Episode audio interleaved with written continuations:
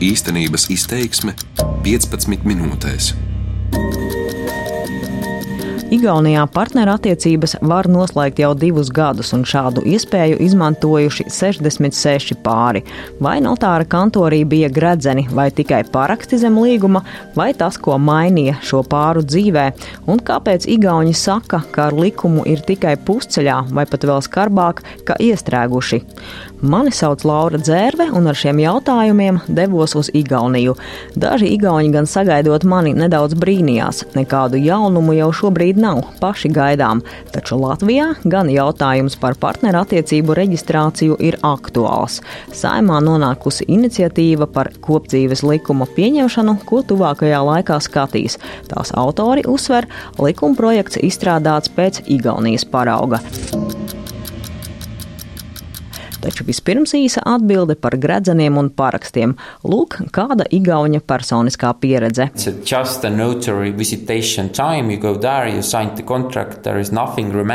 Tas notiek notāra pieņemšanas laikā. Aizej tur un paraksties. Tur nav nekā ļoti romantiska. Tā nav nekāda superīga laimes pils, kur taisa kāzas. Protams, var jau arī prasīt notāram ceremoniju ar mūziku, un tādu var arī taisīt, ja vēlas. Bet es kā jurists jurists esmu praktisks. Mums abiem nebija nekādu gredzenu, tikai paraksti. Igauņu jurists Reimo Mets ar savu dzīves biedru ir viens no 66 igauņu pāriem, kas pie notāra noslēguši līgumu par partnerattiecībām. Taču kāpēc Reimo ir neapmierināts un par likumu sūdzējies tiesā, par to pastāstīšu nedaudz vēlāk. Tāpat arī, kāpēc kādai Igaunijas partijai viens no solījumiem vēlētājiem būs šī likuma atcelšana. Šo raidījumu raidījumu par partnerattiecībām Igaunijā dalīšu trīs lielās daļās. Pirmā daļa - kā viss sākās. Kopdzīves likuma iniciatīva nāk no Igaunijas parlamenta. To ēpastā man uzsver Tieslietu ministrija, pie kuras vēršos vispirms. Tur sarunāt interviju neizdodas. Ministrijas vadība no likuma norobežojas un aicina doties uz parlamenta juridisko komisiju. Tā arī rīkojos. In, in Par to var runāt likuma valodā un var runāt filozofijas valodā. Es domāju, galvenā ideja ir mīlestība. Ja tu mīli kādu, cilvēkam ir fundamentāls tiesības uz ģimeni. To paredz konstitūcija. Tas nes līdzi jaunas tiesības, ieguvumus un pienākumus, un, lai tas būtu, ir jāreģistrē ģimene. And to have all, all of that, you have to register your family ar deputāti juridiskās komisijas locekli Līsu Ovīru tiekamies Igaunijas parlamenta kafejnīcā. Ovīra, kur ir arī divu bērnu māte, ģimeni sauc par svarīgāko dzīvē, tāpēc viņas prāt šīs tiesības ir tik nozīmīgas. Piemēram, ja kaut kas ļauns notiek ar partneri, otram ir jābūt tiesībām būt līdzās slimnīcā. Tāpat arī jābūt tiesībām adoptēt sava partnera bērnu, lai būtu kā vecāki, uzskata deputāte. Igaunijas ģimenes likumā gan ir rakstīts, ka laulība ir savienība starp vīrieti un sievieti. Šo normu koriģēt būtu grūti. Bija liela pretestība, un ne tikai no baznīcas. Turpina Līsa Ovīra. Also, yes, from, uh, Tā nāca arī no partijām, pārsvarā no konservatīvajām partijām. Gandrīz ikvienā partijā ir konservatīvs spārns, kad runājam tieši par šo jautājumu, kas ir ģimene. Protams, ģimene ir vīrs, sieva, divi bērni, māja un suns. Bet nē, var būt pilnīgi citādi. Gan šodien, gan arī padomi laikos un pirms tam. Vienmēr ir bijušas ģimenes, ko veido divi vīrieši vai divas sievietes, bet tām bija jāslēpjas. Manuprāt, tagad pasaule dodas virzienā, kad vairs nav vajadzības slēpties. Now, going that direction that no, you do not need that. Tiesa 2014. gadā, kad likumu pieņēma, deputātes Līsas Ovīras nebija parlamentā. Viņa bija uzņēmēja darbības un informācijas tehnoloģiju ministre. Taču no kā tieši nāca iniciatīva? Manai partijai, Sociāldemokrātu partijai, ir diezgan cieši saikne ar LGBT tiesībām un cilvēkiem, kas par tām iestājas. Viņi nāca pie mums un teica, ka tā ir vajadzība. Mēs šo tematu, protams, nogādājām parlamentā. Arī liberāļi iestājās par šo ideju. Šis jautājums skar cilvēktiesības. Kā mēs aizsargājam cilvēktiesības? All the passing in the uh, parliament was uh, uh, done under our Visa likuma pieņemšana notika mūsu acu priekšā. Mēs centāmies palīdzēt mūsu sabiedrotajiem ar informāciju un strateģisko komunikāciju. Ailīka Kala pārstāv Igaunijas LGBT, jeb lesbiešu, geju, biseksuāļu un transpersonu asociāciju. Kopienai bija svarīgi, lai aizsargātu ģimenēs augošos bērnus, varētu viņus adoptēt, arī atrisināt īpašumtiesību jautājumus un būtiski, lai vienzimuma pārus atzītu kā ģimenes.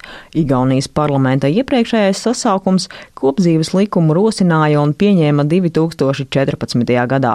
Par tālāko var teikt, lai partnerattiecību reģistrāciju padarītu pilnvērtīgu, kāda tā bija iecerēta, pietrūka politiskās gribas. Ieviešanas likumam bija nepieciešama saimas vairākuma griba, tāpēc to nolika malā ar cerību, ka nākamais parlaments to ieviesīs. Taču tas līdz šim parlamentā nav noticis. Otrā daļa. Ko īsti nozīmē pieņemtais likums? Likums paredz, ka sākot ar 2016. gadu Igaunijā divi pieaugušie, no kuriem vismaz viens ir Igaunijas iedzīvotājs, notāru birojā var noslēgt partneru attiecību līgumu. Pirmajā gadā pēc likuma spēkā stāšanās partnerattiecību līgumu parakstīja 43 pāri, otrajā gadā 23, kopā 66. Lielākā plūsma bija pašā sākumā, un tagad ir tikai daži līgumi. Um, Notāru palātas vadītāja Merle Sāra Johansone saka, ne tikai vienzimumu pāri slēdz partnerattiecības, arī heteroseksuāli pāri. Daļa no tiem iebilst pret tradicionālo laulību. Sāra Johansone arī atklāja lielāko problēmu ar likumu, kas izskaidro, kāpēc arvien mazāk cilvēku Igaunijā reģistrē kopdzīvi un kāpēc notāru palāta iesaka nogaidīt ar reģistrēšanos līdz pieņemti ieviešanas akti. Now, uh, Šo līgumu nevaram reģistrēt iedzīvotāju reģistrā, jo likumam nesakoja īstenošanas noteikumi. Tāpat nevaram reģistrēt arī īpašumtiesības, piemēram, vai tas ir kopīgs īpašums vai citi iespējami īpašumtiesību veidi. Kāpēc ir tik būtiski reģistrēt iedzīvotāju reģistrā līgumu par partnerattiecībām? Ar vienkāršu piemēru atklāja jurists Reimo Mets. Uh. Iedzīvotāju reģistrā nonāk visas laulības, taču šos partnerattiecību līgumus nekur neievieto. Šie līgumi nekur netiek reģistrēti, tie ir zināmi tikai notāriem. Tāpat arī valstī nav nekāda kontrolas mehānisma, nav zināms, cik daudz līgumu noslēgts. Piemēram, ja kāds vēlētos ļaunprātīgi izmantot šīs tiesības, ir tāda iespēja. Var aiziet pie cita notāra un kaut vai katru dienu noslēgt līgumu ar citu cilvēku. Tas būtu tāpat kā laulāties nes cik reižu, ja laulības nekur nereģistrētu. Uh, Notāru palātas vadītāji norāda, nav izslēgts, kamēr nav reģistrācijas iedzīvotāja reģistrā, cilvēks, kurš noslēdzis partneru attiecību līgumu, var arī salauzties ar citu cilvēku. If, uh, um, this... Turklāt, ja nav ieviešanas noteikumu, pāri nevar izmantot valsts pabalstus. Arī, piemēram, iesniegt kopīgu deklarāciju saistībā ar nodokļiem vai nevar pieteikties bēru pabalstam. Uh, partneru attiecību reģistrācija vien maksā sākot ar aptuveni 50 eiro. Hailīga Kala no Igaunijas LGBT organizācijas šā brīža situāciju noteikti nesauktu par zaudējumu. Right to, uh, Uh, mums ir iespēja adoptēt partneru bērnu. Cilvēki ir teikuši, tas bija ļoti svarīgi mums. Tādā veidā mēs varam aizsargāt bērnus, kas šajās ģimenēs piedzims, un arī bērnus, kuri šajās ģimenēs jau aug.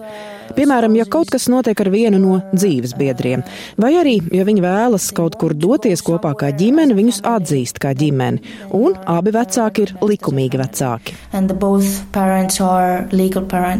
Likums runā tieši par dzīves biedra bērna adopciju. Par to lēmumu pieņem tiesa.